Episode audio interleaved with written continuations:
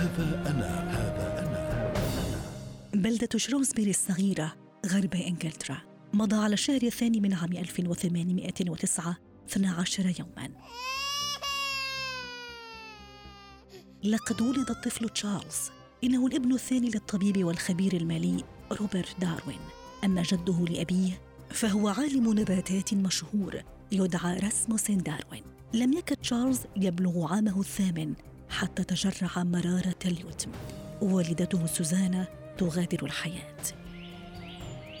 إننا في خريف 1825 تشارلز أتم عامه السادس عشر. إنه يلتحق بجامعة أدنبرا. والده يريده طبيبا.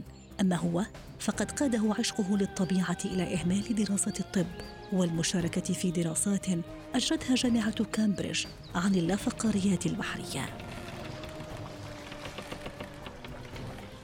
السابع والعشرون من ديسمبر من عام 1831 سفينة بيغل التابعة للملكية البريطانية تطلق رحلة استقصائية مدتها خمس سنوات حول العالم لمعاينة ومشاهدة الطبيعة عن قرب. تشارلز على متن هذه السفينة إنها فرصة ثمينة لهذا الشاب المسكون بحب الطبيعة. هو الآن يجمع أصنافا متنوعة من عينات مختلفة حول العالم. طيور، أسماك، نباتات وحفريات يعاينها يحللها يشرحها ثم يقوم بدراستها. الثاني من أكتوبر من عام 1836 لقد أنهت سفينة بيغل رحلتها وعادت وعاد معها تشارلز داروين إلى لندن. إنه يبدأ في كتابة خلاصة أبحاثه. هو الآن يطور نظرية ثورية حول أصل الكائنات الحية. عام 1858 نظرية داروين ترى النور.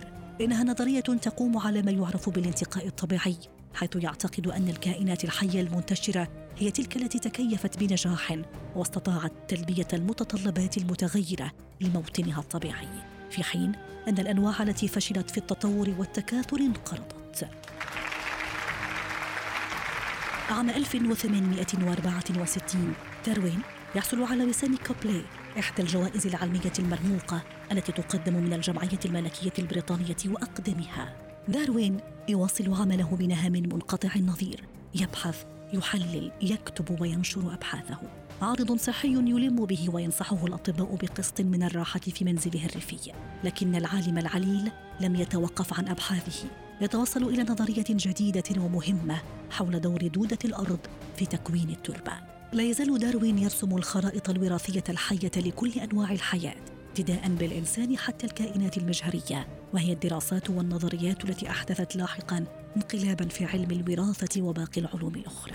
التاسع عشر من إبريل من عام 1882 داروين السبعيني المتيم بحب الطبيعة يعاني أمراضا مزمنة تمكنت من جسده إنه يفارق الحياة بهدوء بعد مسيرة حافلة بالعطاء. هذا أنا هذا أنا